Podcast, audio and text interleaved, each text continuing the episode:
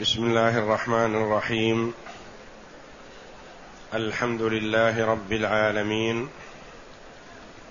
والصلاة والسلام على نبينا محمد وعلى آله وصحبه أجمعين. وبعد. أعوذ بالله من الشيطان الرجيم. ولا نكلف نفسا إلا وسعها. ولدينا كتاب ينطق بالحق وهم لا يظلمون. بل قلوبهم في غفرة في غمرة من هذا. بل قلوبهم في غمرة من هذا ولهم أعمال.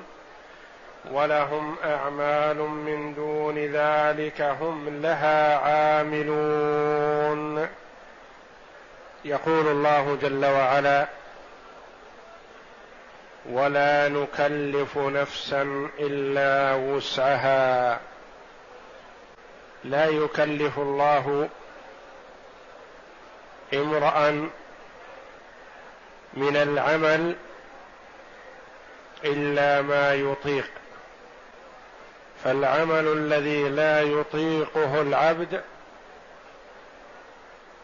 لم يكلفه الله جل وعلا به. يقول عليه الصلاة والسلام صل قائما فإن لم تستطع فقاعدا فإن لم تستطع فعلى جنب. ويقول الله جل وعلا فمن شهد منكم الشهر فليصمه ومن كان مريضا أو على سفر فعدة من أيام أخر. يريد الله بكم اليسر ولا يريد بكم العسر. وفي هذه الآية تحريض من الله جل وعلا لعباده بأن ما أتى به أولئك الأخيار الممدوحون في قوله جل وعلا إن الذين هم من خشية ربهم مشفقون والذين هم بآيات ربهم يؤمنون.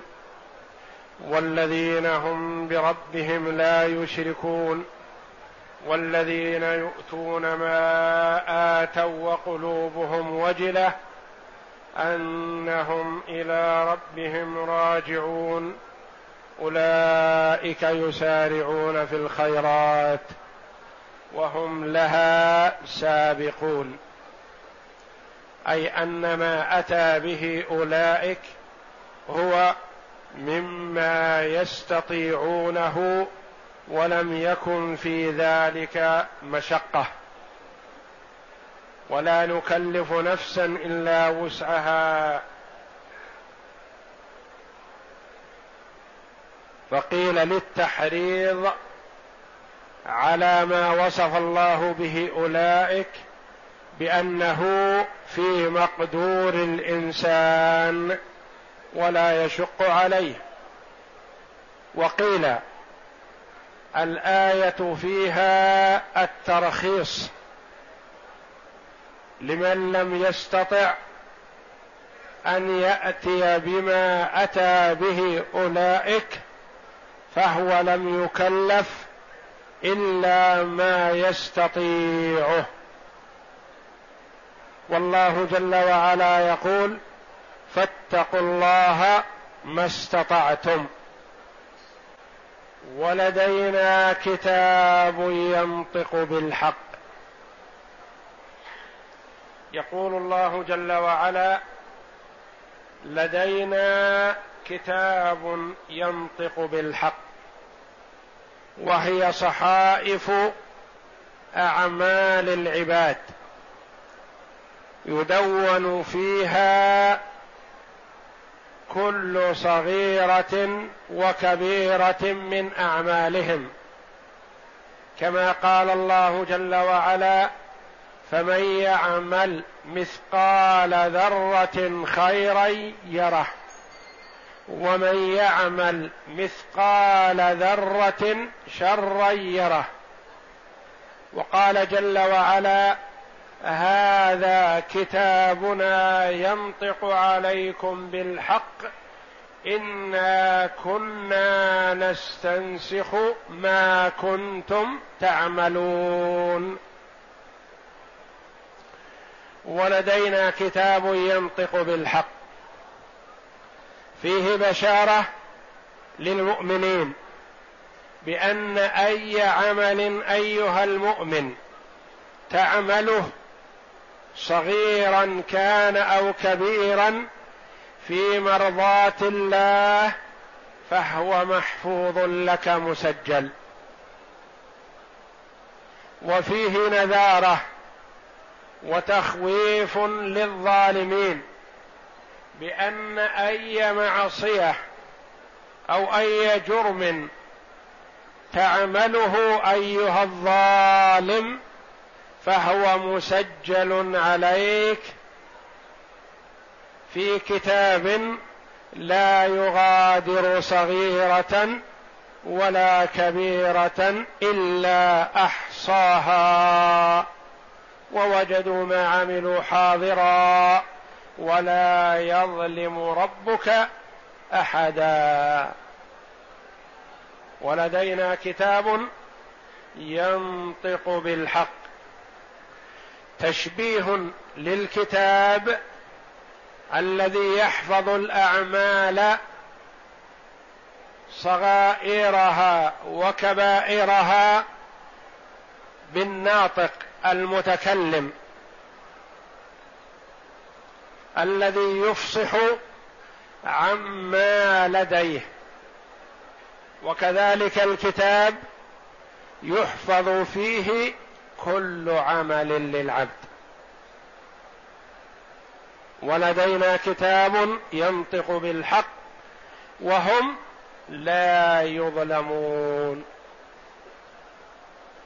فلا يظلم الصالحون ببخس شيء من حسناتهم ولا يظلم المجرمون بزيادة شيء في سيئاتهم.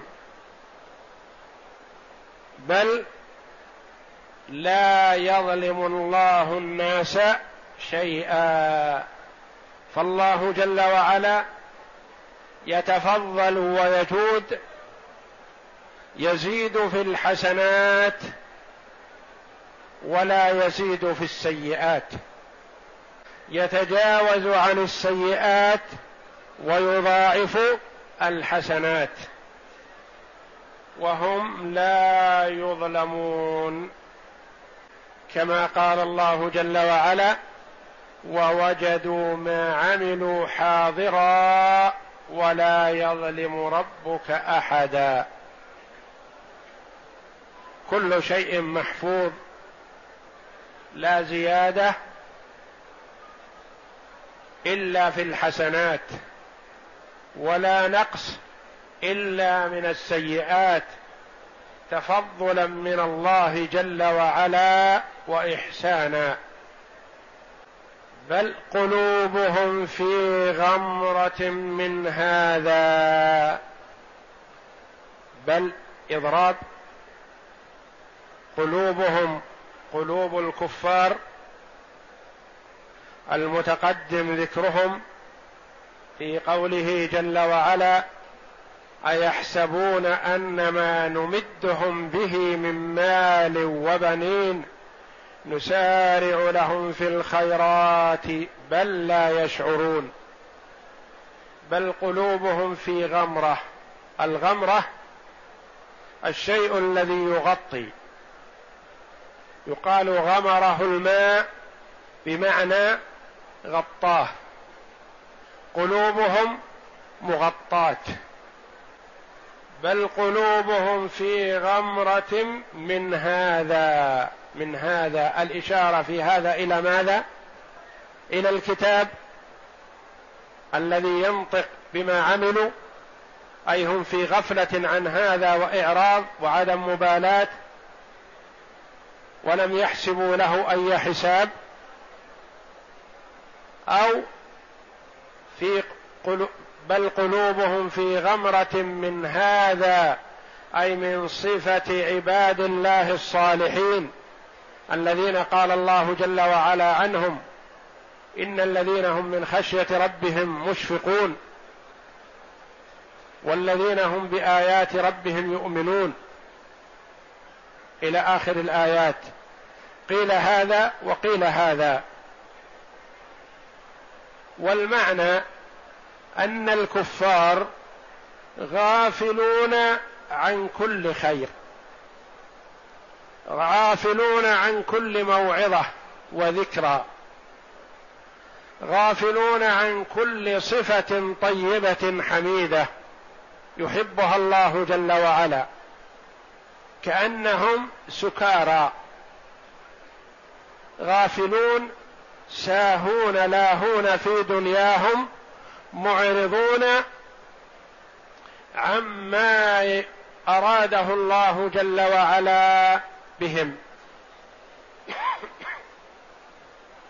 ولهم أي للكفار أعمال من دون ذلك. من دون ذلك. لهم أعمال سيئة. غير الكفر. وهم كما وهو وهي كما قال ابن عباس رضي الله عنه إقامة إمائهم في الزنا. يعني إكراه فتياتهم على الزنا. وقال قتاده ومجاهد رحمهم الله لهم خطايا أخرى غير الكفر. لا بد أن يعملوها. لأن الله جل وعلا علم ازلا ما العباد عاملون. فهم واقعون في الكفر ويقول الله جل وعلا هناك أعمال أخرى سيعملونها غير الكفر. يستحقون عليها العذاب في الدار الآخرة. لأن عذاب الكفار في الدار الآخرة متفاوت بحسب حالهم في الدنيا. منهم كافر بنفسه فقط ولا يتسلط على عباد الله المؤمنين ولا يؤذي. هذا معذب لكفره. وآخر كافر ويسعى في صد الناس عن الإيمان ويسعى في أذى المؤمنين ومؤذن لعباد الله هذا عذابه أشد من عذاب ذلك الكافر فقط. فالله جل وعلا يقول ولهم أعمال من دون ذلك يعني من غير أعمالهم الكفرية. لا بد أن يعملوها. قال بعض المفسرين ولهم أعمال من دون بمعنى ضد. ضد ذلك ضد صفات المؤمنين. يعملونها توجب عليهم دخول النار. لأن الله جل وعلا لا يعذبهم إلا بما هم عاملون. ولهم أعمال من دون ذلك هم لها عاملون. قال الواحدي إجماع المفسرين وأصحاب المعاني على أن هذا إخبار عما سيعملونها من أعمالهم الخبيثة التي كتبت عليهم لا بد لهم أن يعملوها. هم لها عاملون مقررة ومؤكدة لقوله جل وعلا ولهم أعمال من دون ذلك.